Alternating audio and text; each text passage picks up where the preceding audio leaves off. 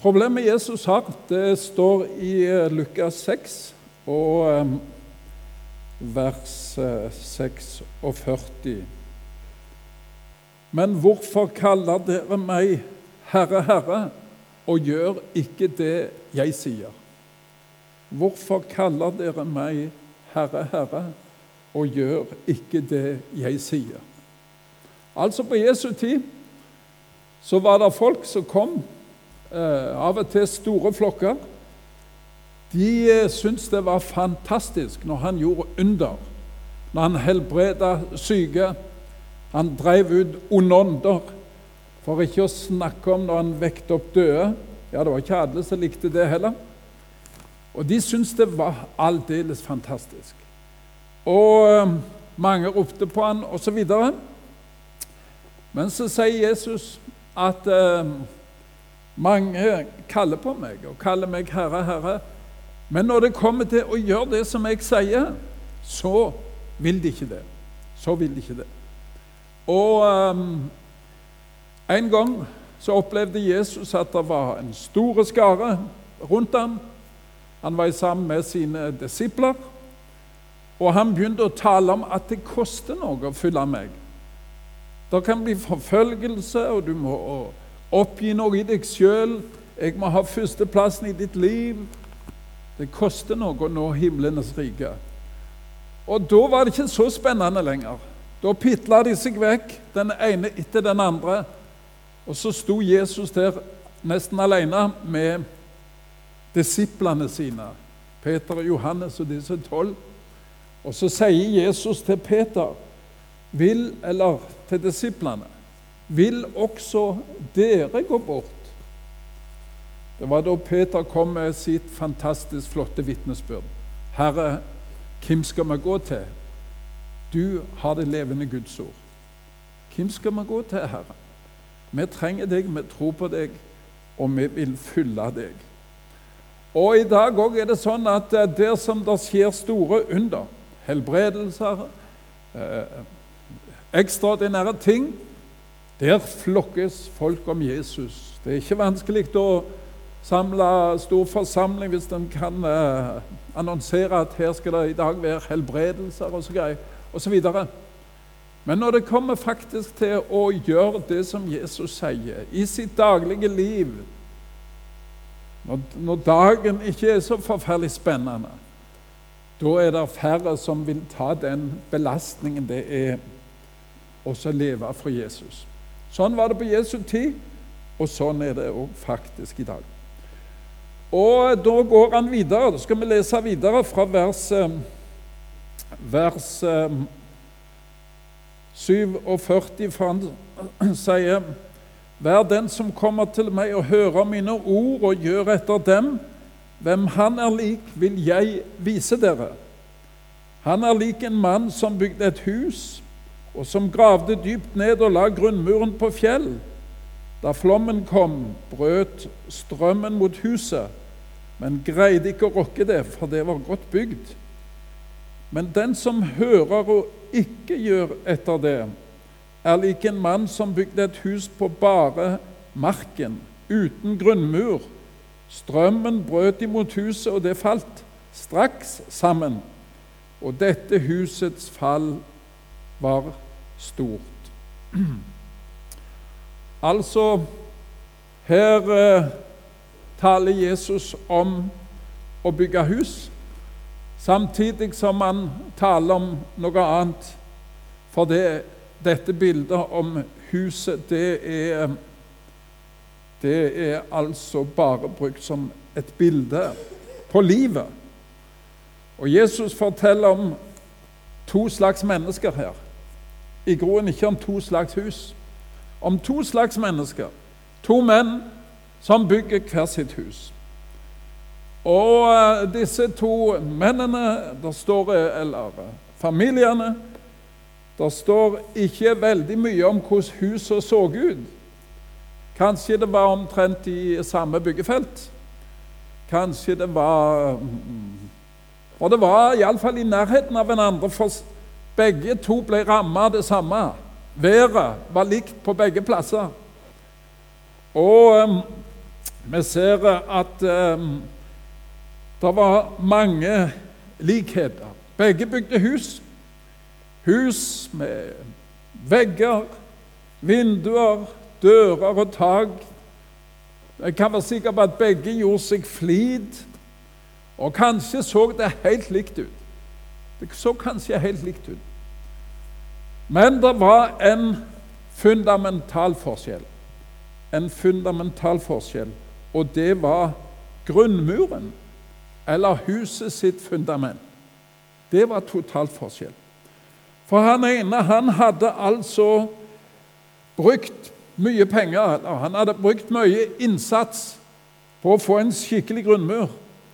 Han er lik en mann som bygde et hus, og som gravde dypt ned og la grunnmuren på fjell. Han gravde dypt ned og la grunnmuren på fjell. Og eh, han la det altså så godt, grunnmuren var så god, at når huset ble satt på prøve, så overlevde det eh, den katastrofen som kom til å ramme.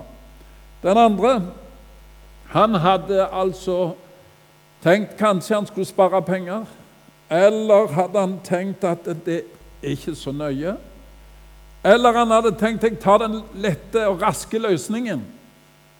Kanskje få det fortere opp. Jeg gidder ikke bruke så mye tid på, på uh, grunnmuren, på det som ikke ses.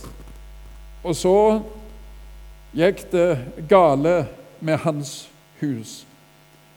Det var ikke lett å se forskjell på disse to husene fra utsida. Det var først når stormen kom, at forskjellen ble synlig. Når stormen kom. For begge husene ble utsatt for storm eller tsunami. Jeg syns det bildet vi så f.eks. fra tsunamien i Japan i fjor, er nokså eh, betegnende på en sånn en, hva dette ordet taler om. Når denne flodbølga kom, så ramla det ene huset, og det andre det sto. Jeg har lyst til å lese fra ei bok som heter 'Stormvarsel', skreven av Billy Graham. Og det er Dere har kanskje fulgt med i nyhetene i det senere tid, sett om stormen som gikk over New York og New Jersey, og så de enorme ødeleggelsene. Jeg så i går at det sto at 250 000 biler måtte kasseres etter den stormen. Ble ødelagt av flodbølger og, og, og trær osv. Men nå skal jeg lese om en sånn en storm i USA. Det er altså Billy Graham, eh, som mange av dere kanskje har hørt om. Han er nå gammel, så min generasjon hørte ofte om han. Og han har skrevet denne boka, 'Stormvarsel'.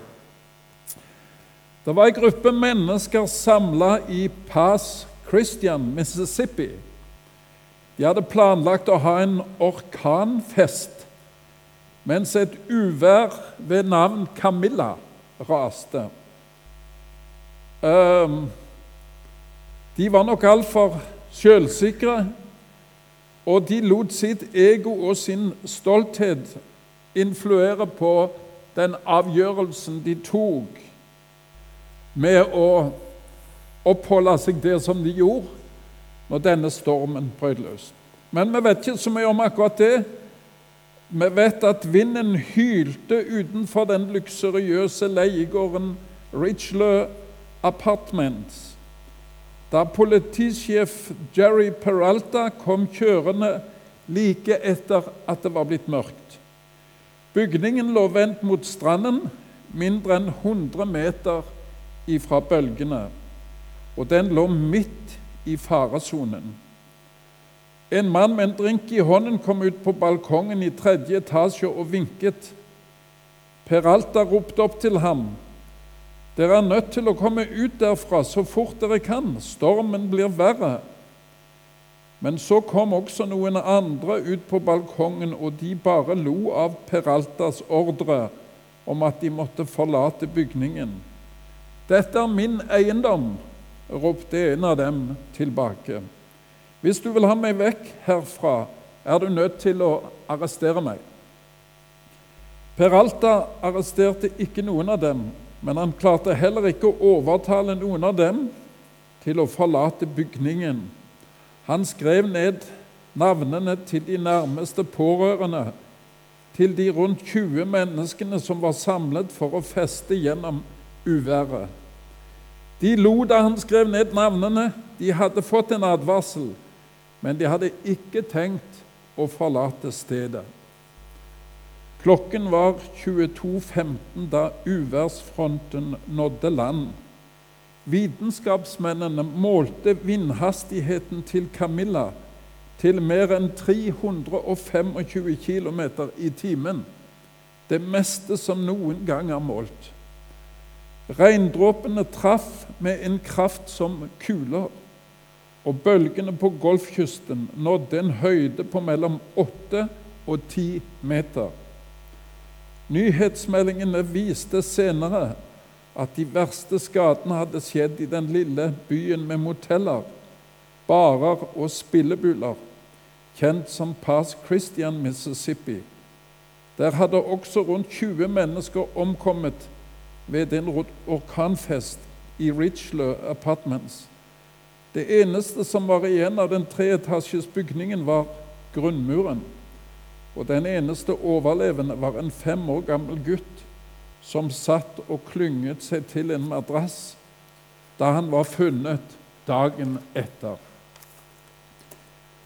Det er mange andre historier òg i den boka, men tenk så idiotisk. Her får de advarsel. Kom dere i sikkerhet. Men de eh, skulle ha orkanfest. De brydde seg ikke om advarselen. og eh, Derfor tenkte de bare lo de av politisjefen når han kom. Om jeg kan si for noe tåpelig, for noe idioti. Tenk å spille sånn med sitt liv. Og de omkom alle der i denne stormen. Forferdelig storm. Meste som er målt 325 km i timen på stormen. Det er kolossalt. Kolossale storm. Nå er det sånn at det i livet så opplever mange uh, ting som føles som storm. Og um, forskjellige ting. Noen opplever sykdom. Det kan føles som vanskelig, og det kan sammenlignes med en storm. En blir virkelig satt på prøve. Troen blir satt på prøve. Tenk på kjærlighetssorg, hva storm det er. Og hvor vanskelig det kan være å komme over. ikke sant? Stryker du til eksamen, det er òg en slags storm. For ikke å snakke om økonomiske. Noen opplever skilsmisser. Forferdelige påkjenninger og bølger i livet. Livet er fullt av stormer, det kan en si. Og når jeg ser på dere som er bitte litt yngre enn meg, så vet jeg ikke mye om dere, men jeg vet det at eh, mange av dere kommer til å få oppleve stormer i livet. Det er helt sikkert. For livet er sånn. Mange kommer til å få oppleve stormer. Men uh, det er én storm som alle vil oppleve.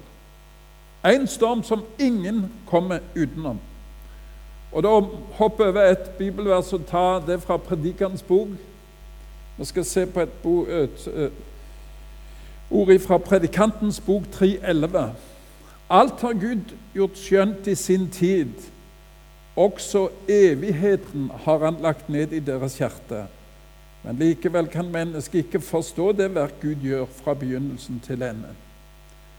Evigheten har Gud lagt ned i vårt hjerte. Det er en storm som ingen kom unna, og den stormen heter døden. Og den stormen går ikke over for den fører et menneske inn i evigheten. I en eksistens som aldri tar slutt, sier Guds ord. Og Satan, som er løgnens far Noe av det Satan innbiller mennesker, det er at eh, etter dette livet så er det slutt. Det er ingenting annet. Gjør hva du vil, for det er ingenting annet enn dette livet. Når døden kommer, så er alt slutt, så blir vi bare går vi over til eh, jord, og det er ikke noe annet. Det er ikke noe sjel. Men Bibelen sier jo det er ei sjel.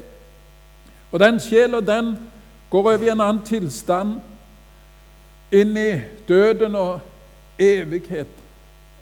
Og så er det merkelige det. Nå har vi vært i Afrika og sett ganske primitive mennesker.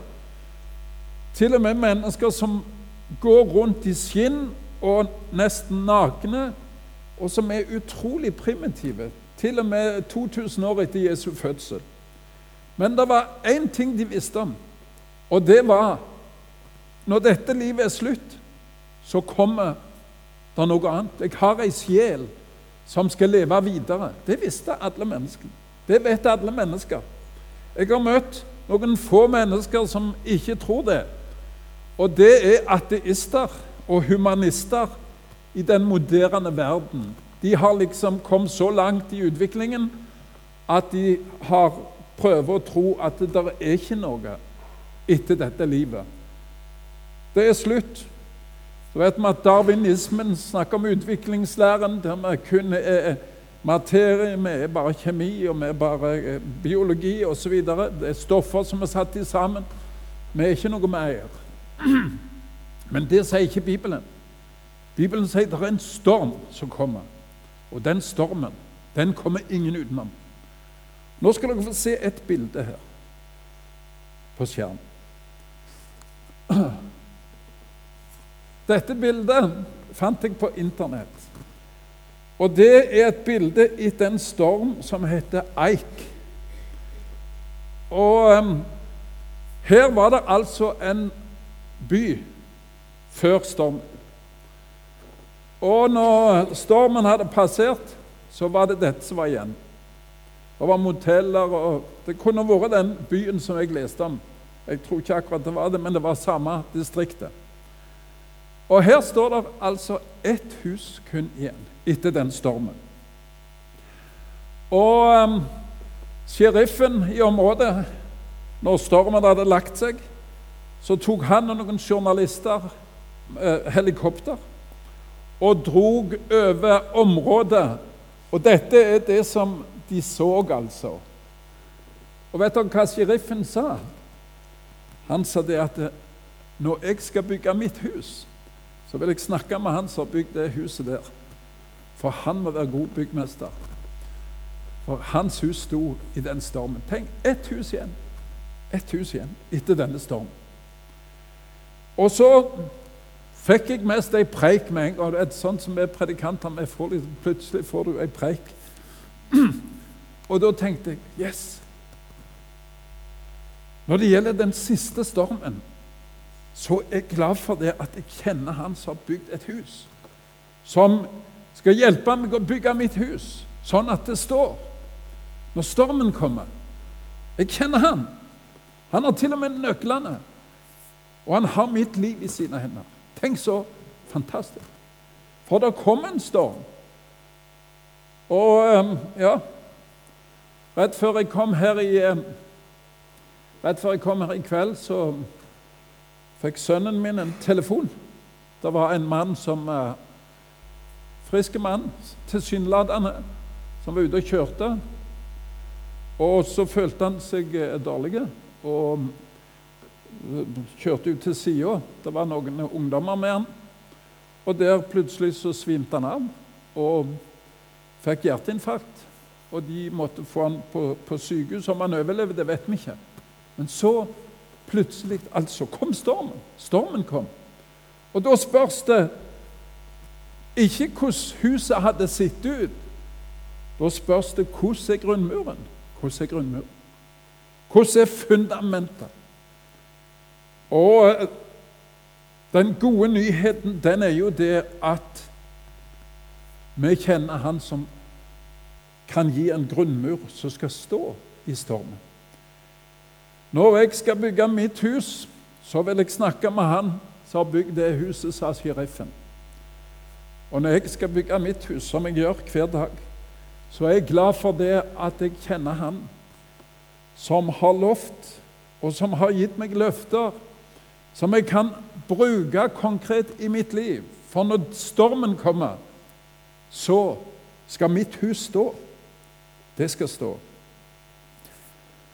Mennesket i dag er på jakt etter aksept og trygghet.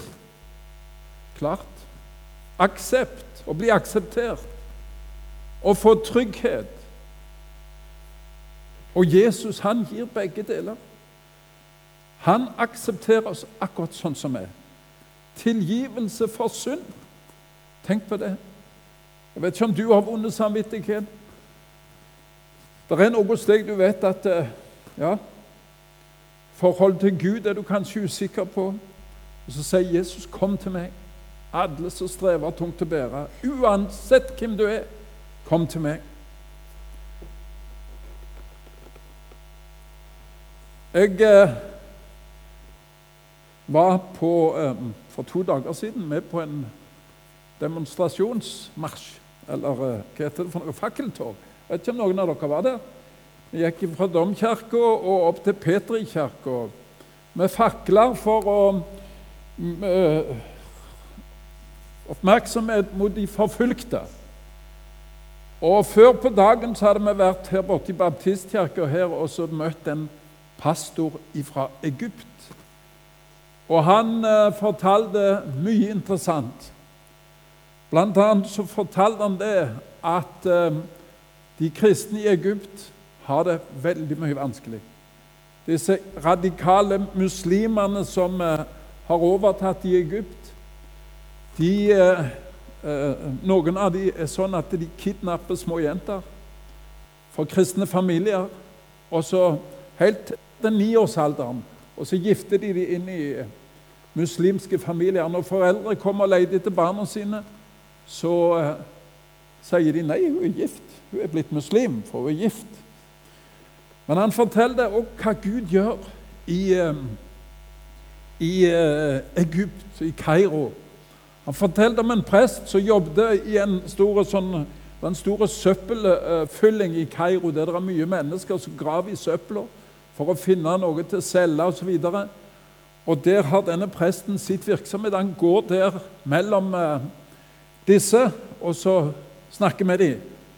Plutselig så kom der eh, en gjeng med sånn radikale muslimer, han. Salafister. Og De er lett gjenkjennelige på klærne, og så har de ikke mustasje, men de har et svært skjegg, han. Så han eh, De kom, og så tok de han, presten, og så førte de den med seg. Og han tenkte nå skal de ta livet av meg. De tok han inn i en varebil og kjørte av gårde med bind for øynene. Han så ikke hvor de kjørte hen. Omsider så stoppet bilen, og de tok han med seg. Og Han forsto han kom inn i en stor hall, og der tok de bindet fra øynene på ham. Og da så han fullt av sånne muslimer eh, av samme sort av disse radikale, eh, uten mustasje. Og midt på gulvet i denne hallen der sto det et bord. Og det bordet det hadde to ting. Det hadde vin og brød. Og så sier de vi er tro på Jesus. Vi er muslimer, men vi har tatt imot Jesus i tro. Og nå vil vi at du skal forrette nattverden for oss. Men vi, det er ingen som vet det, men vi er kristne i hemmelighet. Og han forretta nattverden for dem. Og um, de tok og bandt bind for øynene på han igjen og, og kjørte han vekk. Kristne i hemmelighet. Muslimer som hadde oppdaget at uh, det er en som kan hjelpe meg å bygge et hus, som skal stå når stormen kommer. Og så vil jeg vise dere et par bibelvers. Konkrete bibelvers, hva Jesus sier, hvordan han vil være med når den stormen kommer. Salme 23, vers 4. Om jeg enn skulle vandre i dødsskyggens dal, frykter jeg ikke for vondt, for du er med meg. Din kjepp og din stav trøster meg. Tenk, den som har fått et sånt hus, grunnmoren på Jesus til og med gjennom døden så går han med. Til og med gjennom døden. Hvor var Jesus på lørdagen i påskeveka? Han hang på korset på fredag, og han sto opp igjen på søndag. Hvor var han på lørdag? Jeg vet ikke om dere vet det, at når han hang på korset, så var det en som sa 'Jesus, tenk på meg når du kommer i ditt rike.' Så sa Jesus, 'I dag skal jeg være med deg i paradis'. Så på lørdag fulgte han han til paradis. Har dere tenkt på det? For Jesus gir ikke et løfte, så holder han det ikke. Han holder sine løfter. Johannes 11, 25. Martha har nettopp mista bror sin, Lasarus. Hun sitter i sorg, og hun klandrer Jesus. 'Herre, hadde du vært her, så var bror min ikke død.' 'Det er de skyld.' Mest sa hun det. 'Hadde du kommet litt før, Herre, så var bror min ikke død.' Skulle tenkt Jesus skulle sagt til henne, 'Vet du hvem du har med å gjøre her?' Snakker ikke sånn til meg. Nei, det sa ikke Jesus. Han sa at din bror skal oppstå, sa han. Og så sa han noe til Martha. 'Jeg er oppstandelsen og livet.' 'Den som tror på meg, skal leve om han enn dør.' Med andre ord den som blir rammet av stormen, dødens storm, evighetens storm, han skal leve. For det at Jesus har lov til å holde hans hånd gjennom stormen. Grunnmuren den skal ikke falle, til og med på den andre sida. Et par ting til før jeg slutter. Alle dere har hørt om Titanic. Kanskje mange har sett filmen. Den 15. april 1912 da skjedde det som ikke kunne skje. Skipet som ikke kunne synke, Titanic, gikk på et isfjell. Og dere vet hvordan det gikk. 1500 omkom. 705 mennesker og to hunder ble redda. Og det spesielle var det at eh, alle var overbevist om at skipet kunne ikke synke. Slik at eh, det var fornektelse både hos mannskap og passasjerene helt til vannet kom opp på dekk. For det kunne, det kunne jo ikke synke. Og mange mennesker går med en sånn fornektelse. Jeg prøver å gjøre mitt beste. Det skal nok gå bra til slutt. For det at jeg, jeg prøver jo. De kan ikke forlange mer enn mitt beste. Og så eh, var det òg dette med Titanic at det var for få livbåter. Og de på fattigklassen, nede under dekk, der låste de dørene så ikke de fikk komme opp og, og fylle opp livbåtene, så de som var oppe, kunne bli redda. Men flere av disse livbåtene Livbåtene tok 65. Og flere av disse livbåtene, når, når de ble redda, så var de bare halvfulle. Én livbåt hadde 28, én hadde 12, osv. Livbåtene var halvfulle, de kunne redde mange flere. Og så er det utfordringen til oss òg her i kveld at vi har fått en livbåt, troen på Jesus, som kan redde mennesker fra den siste storm og fra evigheten. La oss ikke være fornøyde med at, det, vi er noen som kan komme sammen og være kristne og ha det kjekt. La oss ikke være fornøyde med halvfulle livbåter. Men la oss ta inn over oss den følelsen Jesus har for mennesker når han sa at han ynkes inderlig over dem, for de var som får uten hyrde. Så det er utfordringen. Du som har kommet opp i livbåten, og du som vet at du har huset på fjell, la oss tenke på de som er utenfor livbåten, og de som er i ferd med å synke, for å være i disse bildene. Det er sant, Bildene er mange, men de betyr det samme. Hvorfor kaller dere meg Herre, Herre, og gjør ikke det jeg sier? Jeg vet ikke om det er noen her som uh, er i den situasjonen at uh, du har ikke um, liksom tatt det på alvor med, med, Jesus. Du har ikke liksom Du har lyst til å være med på møte. Du kan kjenne deg igjen når du sier Du kan be av og til, osv. Men du har aldri blitt alvor for deg. Og du har aldri heller fått oppleve den freden og gleden som det vil si å høre Jesus til. Så nå tenkte jeg hvis det er en her inne i kveld, eller to eller ti, som kjenner seg igjen at jeg har ikke tatt dette på alvor. Jeg er nødt for å fornye mitt forhold til Jesus eller komme til Jesus for første gang. Så kan du eh, komme og snakke med noen av oss etterpå. Komme til bønnehjørnet. Men kanskje noen vil rett og slett rekke opp hånden og si Kan du be for meg? For jeg er i den situasjonen. At jeg er ikke sikker på om mitt hus står på, på fjell. Er det noen som er i den situasjonen, som vil ha sånn en forbønn herifra? Ok. Det er det ikke. Så det er greit. Da satser vi på at alle vet det at jeg står trygt, for jeg har bygd mitt hus på, på fjellen. La oss da slutte med å be kort igjen. Kjære Jesus, takk for den som tror på deg, skal stå fast i den siste storm. Og òg i livets stormer så har du lovt å være med. Og vi ber om at eh, det må bli virkelig stort for oss på nytt og på nytt igjen. Og vi ber om velsignelse ved denne ungdomsflokken og fortsettelse av dette møtet for Jesus skyld. Amen.